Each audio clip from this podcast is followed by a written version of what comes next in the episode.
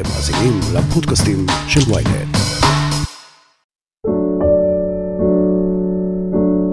ראש ישיבה תיכונית בארץ אמר פעם לתלמידיו בחודש אלול, אנחנו כמו רפיקי ממלך האריות.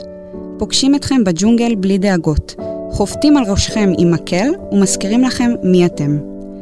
כך כתב הרב אברהם סתיו, שמפגיש לא פעם בכתביו בין יהדות לסרטי דיסני. איך זה עובד? עם שני אלמנטים עוצמתיים ביותר, קסם ואמונה.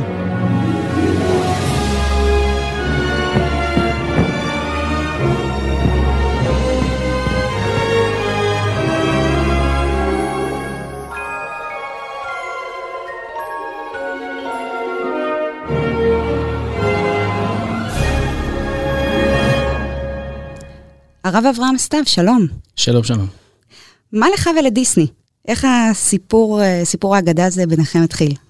אז אה, קודם כל, כשאתה ילד דתי בשנות ה-90, אז דיסני זה הדבר העיקרי שיש לך בעצם. כלומר, ערוץ 2 בכלל לא פותחים, כי יש פרסומות אה, שלא תמיד צנועות, וערוץ 1 גם יש איזה חצי שעה ביום שההורים מרשים לך, ומה שאם בכלל מוקרן על המסך, זה אך ורק סרטי דיסני, שזה בעצם uh, המקום התמים, שלכאורה לא קורה בו שום דבר uh, מזיק שיכול לפגוע בנפש הילד, וזה בעצם התרבות העיקרית שעליה אני וכל חבריי uh, גדלים, ונראה לי שעד היום באמת למגזר הדתי יש איזו חיבה מיוחדת לדיסני, כי זה בעצם מה שגדלנו עליו.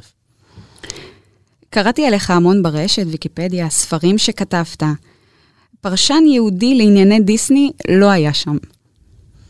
לא, זה משהו שקרה ככה כבדרך אגב, אבל uh, אני חושב שזה, שזה uh, איזה מפגש מאוד מאוד טבעי של שני עולמות שאני מאוד מאוד uh, uh, מרגיש uh, קשר אליהם. כלומר, ברמה של לימוד התורה הוא מה שאני עושה רוב היום, ובין כלומד, בין כמלמד.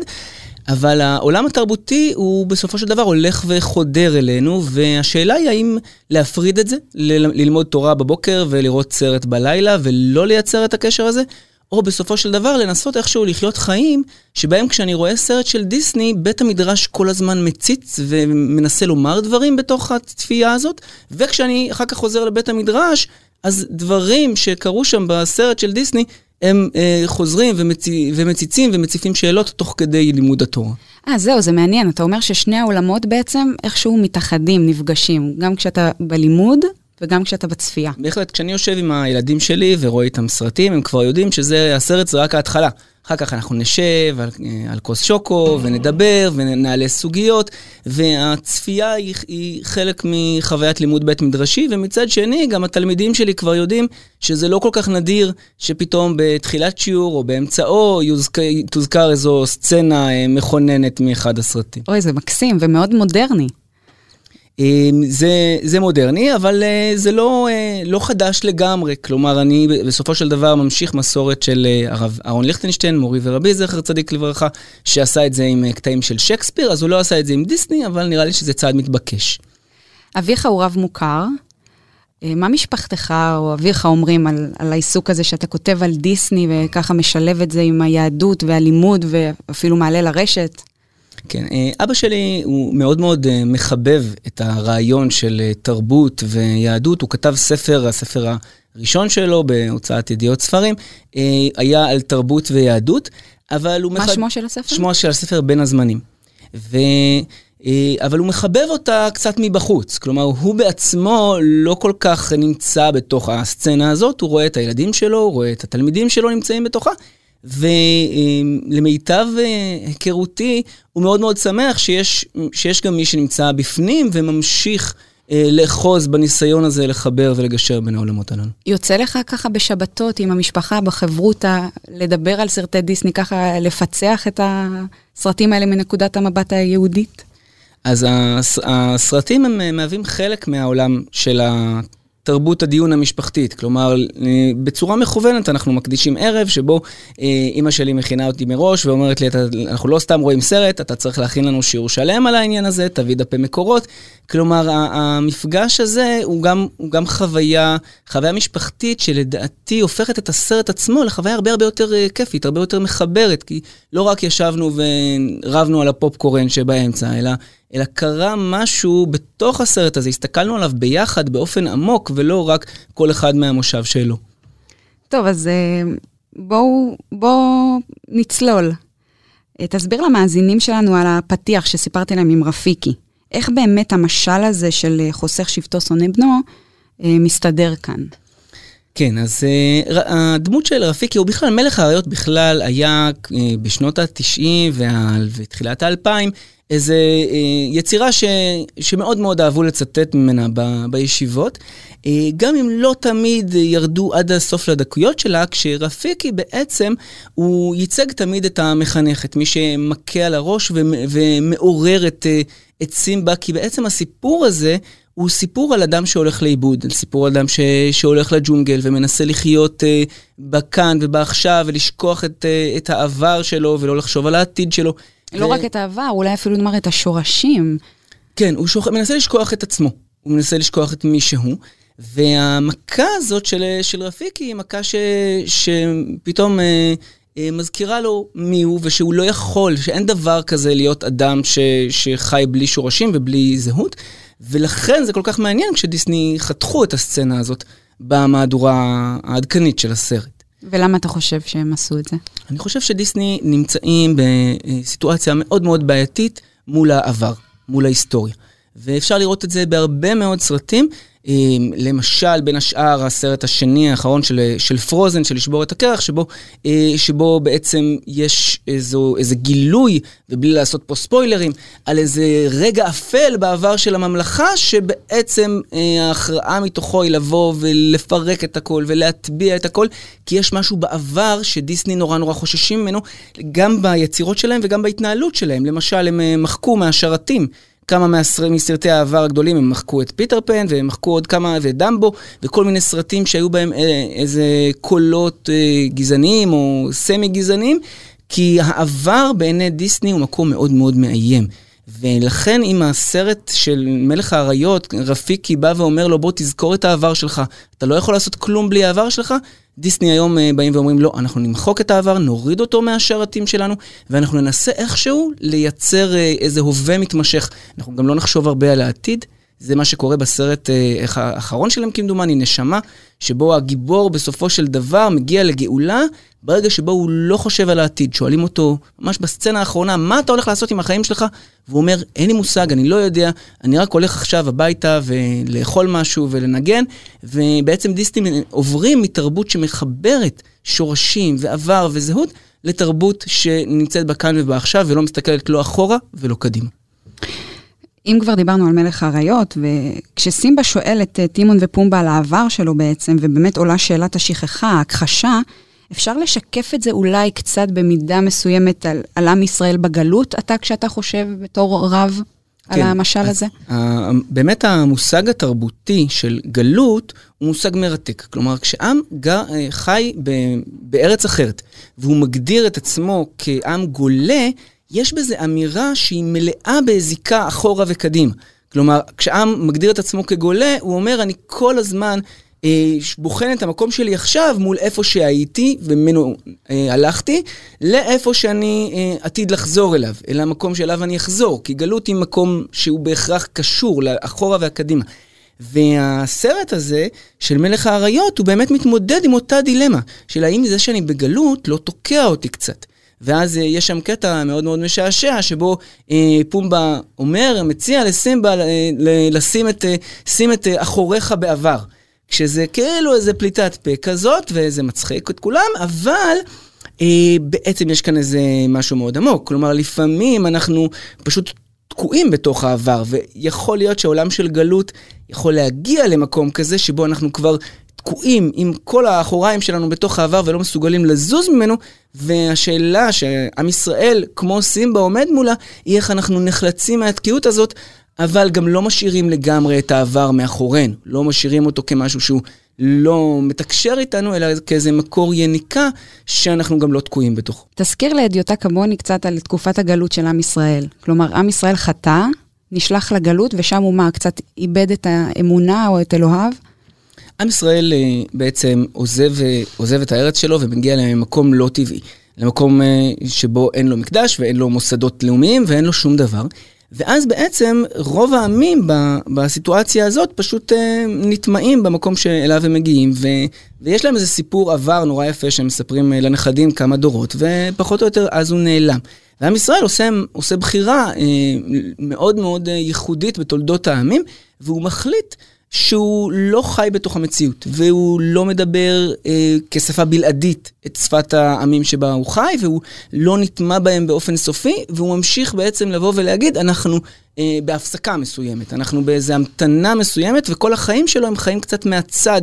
של העולם, הוא לא נטמע עד הסוף, הוא לא, אה, הוא לא נטמע למשל בעבודות של אדמה וחקלאות, הוא, הוא מחליט לחיות באיזו תודעה שהיא מבחוץ, שזו בחירה מאוד מאוד אה, ייחודית בהקשר הזה. בהרבה מהחיבורים שלך על דיסני אתה משווה בין הגרסה המקורית לבין גרסת ה live action. לאיזו גרסה אתה מתחבר יותר בדרך כלל כשאתה צופה ומנתח? כן, אז אה, אחד ההבדלים בין הגרסאות הללו, שנורא נורא יפה לראות, כי אפשר לעשות השוואות כלליות בין סרטים של דיסני אז והיום, אבל תמיד קשה לקחת מוצר אחד ולהשוות אותו. ובסרטים של live action ממש יש שני מוצרים שאפשר אה, להתייחס לשניהם ולהשוות. ואחד הדברים שנורא נורא מאפיינים את סרטי ה live action הם שהם הופכים להיות אה, הרצאה, אינדוקטרינציה היא מאוד מאוד כבדה. ו, ובמקום הקלילות, ההומור, שהיו נורא נורא נורא דומיננטיים אצל דיסני בסרטים המצוירים, פתאום הכל נהיה מאוד מאוד כבד. בסרטי ה live action. שזה גם יכול להיות קשור לעצם המעבר. כלומר, יש משהו ב, בסרטים מצוירים שהוא תמיד אה, חצי מציאותי, ולפעמים יכולים לקרות שם, לקרות שם כל מיני דברים קצת מוגזמים וקצת אה, ומצחיקים. ובסרטים של ה live action יש משהו שהוא אולי יפה אסתטית, אבל הוא מאוד מאוד כבד וזה מאוד מאפיין את העבודה של דיסני היום. כלומר, המסרים שלהם הם ממש, אפשר לקרוא אותם בשורות ארוכות, בדיאלוגים ארוכים. הם באו לומר משהו ולעשות עשייה אה, פוליטית, חברתית, והם לא מוכנים כבר אה, סתם ככה לצחוק. לכן הרבה פחות מצחיק כל הסרטים האלה. בחיבורים שלך אתה לא תמיד מתייחס באופן ישיר להשקפה היהודית, אבל בכתיבה שלך יש המון מן היהדות. איפה זה פוגש אותך? כן, כשחלק מה, מהטורים שלי על דיסני פורסמו בוויינט יהדות. והייתה, מדי פעם העורכת שאלה אותי, רגע, זה, זה טור מאוד נחמד, אבל, אבל איך זה קשור ליהדות? אז אולי, אולי ת, תייצר איזה חיבור. ובסופו של דבר היא מאוד מאוד אימצה את הטורים האלה מתוך הבנה שהיהדות ומקורות הם שני מושגים שיש ביניהם קשר, והיהדות היא דת הספר, ואנחנו אוהבים את הטקסטים האלו ויונקים מהם. אבל יהדות היא הרבה מעבר, יהדות היא איזה רוח כלשהי, איזה משקפיים שדווקא מה שכל כך יפה בעיניי בחוויה של ראייה של סרטים ותרבות, היא שזה מה שבוחן את השאלה האם היהדות היא רק טקסט, היא רק פסוק שמגיע מהתורה, הזו יהדות, או שיהדות הם משקפיים. הם צורת אה, דיבור וצורה של שיח ומושגים, ו- ואני חושב שמה שאני מנסה לעשות ב- ב- בטקסטים הללו, זה לקחת את היהדות כצורת הסתכלות, ולא רק כמשהו שחייב איזה טקסט יהודי שיעגן אותו. ערבות הדדית גם היא מושג מן היהדות, כל ישראל ערבים זה לזה, שנקבע, שנקבע על ידי חז"ל. אתה מדבר על זה המון בהקשר של טימון ופומבה, תסביר לנו. כן, הערבות, חברות היא ערך מאוד מאוד אה, מרכזי בדיסני. זה, זה ללא ספק, זה תמיד היה ותמיד אה, יהיה, לפחות בטווח הנראה לעין. אבל השאלה היא על מה מושתתת אה, חברות, על מה מושתת קשר. כי המושג ערבות במקורו ישראל ערבים זה לזה, המשמעות של המילה ערבים זה שכל עם ישראל מחויב לפרוע את אותו חוב, את אותה חובה שהוטלה על עם, על עם ישראל כשהם יצאו ממצרים. ומכיוון שלכולנו בעצם יש איזו מחויבות אחת, איזו משימה אחת גדולה לעשות בהיסטוריה, לעשות בעולם, אז כולנו ערבים, כולנו קשורים אחד לשני. ודיסני מנסים בשנים האחרונות לראות האם אנחנו יכולים לייצר חברות שאין לה בעצם תשתית, שאין לה משימה. כי בסרט הראשון של, של דיסני הייתה משימה שחיברה אותנו, הייתה איזו משימה להציל את צוק התקווה, לשמור את המסורת של אבותינו, המלכים הקדמונים שמביטים מהכוכבים. היה איזה חיבור משפחתי ושורשי ש, שהוא מייצר את החברות ואת הערבות, ופתאום בסרט החדש, בסרט העדכני, ה live action, פתאום כל החלקים הללו של העבר ושל המסורת והמורשת, כולם נעלמו. ואז פתאום צריך לייצר יש מאין את הערבות הזאת, כי על מה באמת מושתתת ערבות? למה שנהיה חברים אם אין לנו איזו משימה משותפת כזאת, וכאן דיסני מתחילים להסתבך. אתה מדבר במלך האריות על שתי השקפות עולם, גלגל החיים, שהיא השקפה מבית אב, והקו, שהוא אומר שאין משמעות לכלום. זה קצת דומה, מזכיר את ההתפתחות שלנו כבני אדם, כיהודים. האם אנחנו לוקחים את המסורת מבית אבא שלנו, או מתנתקים ממנה לגמרי, עוברים איזשהו תהליך של חילון. כלומר, סימבה עובר איזשהו תהליך כזה, ואז גם חוזר למקורות. כלומר, אפשר לא, אולי לומר שסימבה אפילו חוזר בתשובה.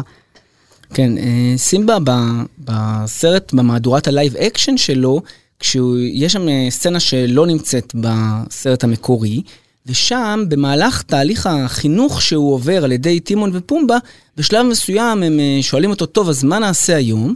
והוא אומר, אין לי שמץ של מושג. ואז כולם uh, מריעים לו שם, וזהו, הצלחת להבין את המסר. המסר הוא שאין לנו שמץ של מושג מה אנחנו, uh, מה אנחנו עושים פה ולאן אנחנו רוצים. כש, כשזה, שוב, זה אותו מסר שבסופו של דבר, אה, שלוש-ארבע שנים אחר כך מגיע בסרט נשמה לשיא שלו. כלומר, השיא שבו הגיבור בעצם זוכה לחיי, להזדמנות לחיים שניים, בסוף הסרט, הסרט היא בגלל שאין לו שמץ של מושג מה הוא רוצה לעשות עם החיים שלו.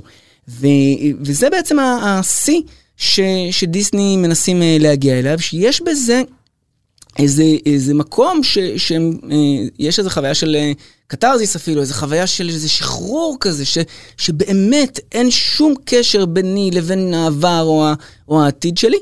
כשאני חושב שזו, זה, זה סוג מסוים, לא כל חזרה בשאלה היא כזאת, אבל זה איזה סוג של, של ניסיון להתנתק, איזה, איזה רעיון של חופש מוחלט, כשכל סרטי דיסני הישנים ובעצם כל המקורות היהודיים מנסים לבוא ולהגיד לנו שחיים כאלה בסופו של דבר הם חיים ש, שאדם מהר מאוד אה, ממצה אותם, ו, ובס, ובסופו של דבר גם, גם סימבה בשלב מסוים במערכת היחסים שלו עם טימון ופומבה, הוא מסתכל בעצמו ו, ומבין ש, שמשהו פה רחוק מדי, משהו פה לא, לא יוביל אותו לשום מקום, ו, והוא מתחיל לאט לאט לאט לייצר את החזרה הזאת, אה, שהיא מתחילה אגב לא מתוך המסורת, כמו בסרט המקורי, אלא מתוך הקשרים שלו עם אה, נאלה, החברה שלו, ו- ולאט לאט הוא מתחיל להבין שאם אני קשור למישהו אחד, לבת זוג, אז אני גם קשור למשפחה, ומתוך זה אני גם קשור לשבט ולעם, ובסופו של דבר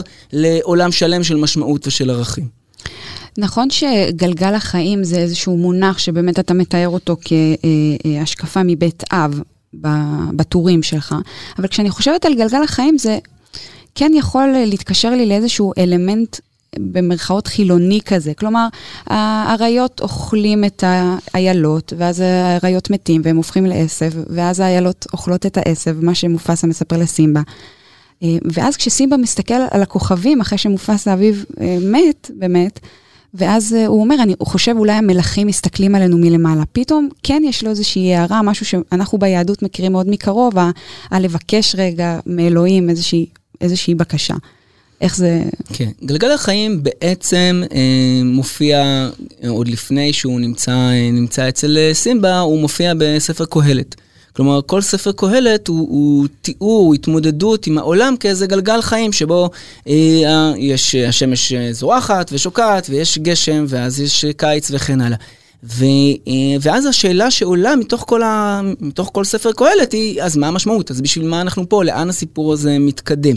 והשאלה ש, שספר קהלת שואל היא אותה שאלה שסימבה שואל, האם יש איזה משהו מעבר, משהו למעלה? האם בסופו של דבר, מתוך כל הגלגל החיים הזה, יש איזשהו הקשר שבו נוצרת משמעות שחורגת ממנו, שזה בעצם הכוח של הכוכבים שמהם, אה, שמהם מתבונן אבא של, אה, של סימבה. כלומר, השאלה אם מתוך כל גלגל החיים, נוצרת איזו משמעות נצחית שהיא, שהיא מעבר לסיפור. דיברנו הרבה על מלך האריות, האמת בלי להתכוון, זה פשוט מרתק ואתה גם כותב הרבה על מלך האריות, אבל אני רוצה לקחת אותך רגע ליפה והחיה, שזה גם סרט שכתבת עליו. אתה מדבר על תודעת הגלות ביפה והחיה, אתה כותב, אני ישנה וליבי ער, המתנה לאיזושהי גאולה אלוקית, המתנה לאיזושהי חשיפת היופי של החיה בעיני בל. תסביר לי על זה. כן, הסיפור של היפה והחיה הוא סיפור מרתק. כי בסופו של דבר יש כאן, יש כאן סיטואציה שאנחנו מכירים מהעולם שלנו היומיומי. הסיפור של, של, של חיה אה, שיש בתוכה איזה גבר אה, רגיש אה, אולי ומתחשב, אבל היא מופיעה, מופיעה מולנו כחיה, וזה יכול להיות גם כל אחד מאיתנו יכול לחוות את זה, שיש בתוכו איזה, איזה איש, איזה אדם שמסתתר. ויש אור של חיה שעוטף אותו, והוא לא מצליח למה, להבין למה אנשים לא רואים את כל היופי הזה, הטוב שיש בפנים. אני בן אדם, ו- ואנשים רואים רק את המעטפת הזאת של החיה, והשאלה היא, מה עושים? עם סיטואציה כזאת. וכאן אה, דיסני עשו איזו מהפכה אה, מחשבתית אה, מדהימה, כי האגדה הצרפתית שעליה דיסני מבוססים, כל המסר שלה הוא עבור הנערה, עבור בל, את חייבת לראות מעבר לחיה הגברית. ולהאמין שעמוק בפנים הוא, הוא, הוא בסדר, ו, וזו המשימה שלך היא אה, לקבל אותו ולהבין שעמוק בפנים הוא, יש בו טוב. ודיסני הופכים את התמונה לחלוטין. ודיסני באים ואומרים, אתה, יש לך אחריות ל- לקחת את הטוב הזה ש, שבך ולהוציא אותו, ולהוציא אותו החוצה ול, ולהתגבר על האור הזה של החיה. והם באים אל החיה ואומרים, ואומרים לה, את לא תצליחי להיגאל כל עוד את אה, לא, לא אה, חורגת מה, מהאור שלך. ואני חושב שזו שאלה מאוד מאוד קשה, שגם עם ישראל אה, נמצא בה כל הזמן. כלומר, אנחנו מצד אחד מאמינים ש, ו, שיש בנו איזו סגולה, איזה קשר פנימי לקדוש ברוך הוא, ואז גם אם אנחנו קצת מחפפים, אנחנו מאוד אוהבים להיזכר בזה ביום הכיפורים וכדומה, שבעצם אנחנו טובים. ויש כאן איזו תביעה שאומרת, לא, בעצם לא שווה כלום. כלומר, השאלה היא האם אתה מצליח להוציא את הטוב הזה ולגרום לו להיראות. בוא נדבר קצת על מולן לקראת סיום. אמ, על מולן גם כתבת טור על, על ההבדלים בין מולן אה, מ-1998 לבין מולן בגרסת ה live action. מה, אילו הבדלים ראית? כן, מולן זה, זה סיפור אה, מאוד מעניין של הקשר אה, של דיסני, או היחס של דיסני למערכות יחסים. כאשר בעצם אה, מולן, הסרט, הסרט המקורי של, של מולן, הוא תובע בעדינות איזו מערכת יחסים בינה לבין, ה, לבין המפקד שלה. שמגיעה מתוך איזו תפיסה שבה אותה מולן ש, שרצתה להתחתן ב, בתחילת הסרט בצורה שהייתה לא לגמרי מותאמת, היא עוברת איזו הבשלה ומקום שבו היא בוחרת מערכת יחסים בצורה בוגרת ועצמאית, וזה רעיון אה, פמיניסטי אה, מאוד מאוד יפה. ובסרט העדכני יותר, אז uh, מולן היא כבר לא מישהי שמנסה להשתלב בחברה, אלא היא מישהי ש, שמנסה להכתיב לחברה איך, אה, איך להיראות, והיא לא, כבר לא מוכנה אה, להסתתר, לא, מוכ, לא מוכנה להיקבל, וממילא היא גם לא מוכנה להיקשר בשום מערכת יחסים. היא כבר לא רוצה אה, להתחתן לא עם המפקד שלה ולא עם אף אחד אחר, ש, שזה בעצם אה, אמירה שהיא איזה גל שני של פמיניזם של, אה, של דיסני. כלומר, זה כבר מקום שבו אנחנו לא מייצרים גיבורות עצמאיות ו, וחזקות שמקיימות מתוך זה מערכת יחסים, אלא אנחנו מתנתקים לגמרי מהמוסד. מוסדות של אה, נישואים, של משפחה, והם מנסים לייצר גיבורות עצמאיות לחלוטין. כן, כמו שראינו בפרוזן עם אלזה, כמו שראינו בברייב עם מרידה. אה, בהחלט, בהחלט. הגיבורות של דיסני כבר לא מתחתנות. כן, מה אתה חושב על זה? אני חושב שזה, שזה ייאוש גדול שהוא לא רק מעצם, מרעיון המשפחה, אלא מהאמונה בזה שיש טוב בעולם, שאפשר לחלום, שאפשר, ש, שיש באמת אה, אהבת אמת. כל הערכים שדיסני עצמם, הם, הם לימדו אותנו שיש אהבה, ש, שיש תשוקה, ופתאום דיסני אה, אה, לוקחים צעד אחורה והם כבר לא מאמינים בזה, והם מלאים בהמון המון ייאוש, וזה לא רק משפחה, זה ייאוש מה, מהעולם, מהחיים, בני אדם. והייאוש הזה הוא מאוד מאוד אה, מסוכן. כן, יהיו, יהיו שיגידו בדיוק הפוך, יהיו שיבקרו את מה שאתה אומר ויגידו אה, שדיסני רוצים אה, להציג גם נקודת מבט של אישה חזקה שיכולה לבחור בעצמה וללכת לבד לאורך כל הדרך, אבל אתה אומר זה פוגע בערך המשפחה שדיסני כל כך שימרו ובאופן מאוד ישיר זה גם יתקשר לנו לערך המשפחה ביהדות. אני חושב שזו פגיעה ב... לא רק בערך המשפחה כאיזה ערך חיצוני חברתי, אלא בסופו של דבר הגיבורות הללו של דיסני הן לא שמחות יותר. כלומר, הן לא מוצאות איזו תשוקה אחרת אה, שממלאת אותן, אלא הן הופכות את העצמאיות, את הבריחה, את המרידה למשהו שהוא תכלית הכל. בסופו של דבר מרידה שם אה, דוהרת עם אימא שלה אל האופק, שזה מאוד יפה, אבל לאן היא דוהרת? מה מניע אותה? איזו תשוקה נשארה לה אחרי כל התהליך שהיא עושה? אה, ממש לסיום, אתה כותב המון, המון על דיסני, אתה מפרסם את זה, ומניחה שיוצא לך לדבר על זה בהרבה חוגים. יש ביקורות, יש מבקרים שאומרים, אה, הרב, אה, הרב סתיו אה, כותב על דיסני, חושבים שזה לא ראוי? ללא ספק, ללא ספק יש כאן, יש כאן מחיר, ושאני משלם אותו במודע, ויש לא מעט גם רבנים וגם אנשים שאינם רבנים, שמאוד מאוד לא מחבבים את, ה, את הרעיון הזה, ואני גם יכול להבין למה. כלומר, בסופו של דבר התורה היא לא תרבות.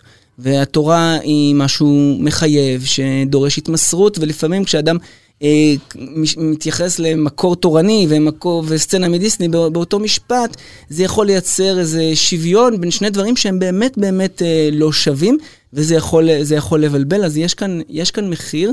אה, אני חושב ש, שאני באמת אה, מוכן לשלם אותו, כי, כי נראה לי... שלעם ישראל יש הרבה מאוד אה, רבנים שמלמדים איך ללמוד תורה ואיך לשבת בבית המדרש, שזה חשוב, אבל מישהו צריך גם, גם ללמד וללמוד אה, יחד איך יושבים אה, מול סרט ואיך רואים טלוויזיה ואיך קוראים ספר. שאלו שאלות לא פחות קיומיות עבור רוב הציבור. אני לא רק חושבת שזה, שזה מקסים, אלא גם שזה מאוד מאוד חשוב לחבר בין שני העולמות הללו, שהם לכל כך הרבה אנשים שני עולמות מאוד מרכזיים. כלומר, גם היהדות שלנו כ- כמקור ודרך חיים, ובטח שזו חברת דיסני, שהיא חברה שהיא חולשת על uh, תחומי החיים שלנו כמעט uh, בכל, פוגשת אותנו בכל uh, uh, שלב בחיים. אכן. Uh, הרב אברהם סתיו, ממש ממש מודה לך שבאת אלינו היום, תודה. תודה רבה לך, שמחתי מאוד. זה היה אבק פיות להפעם, אני הייתי משי היד, תודה רבה שהאזנתם לנו. את הפרק הזה הפיק ערן רחמני וערך שחר ברקת. פרקים נוספים תוכלו למצוא בשלל האפליקציות. נשתמע בפרק הבא. ביי.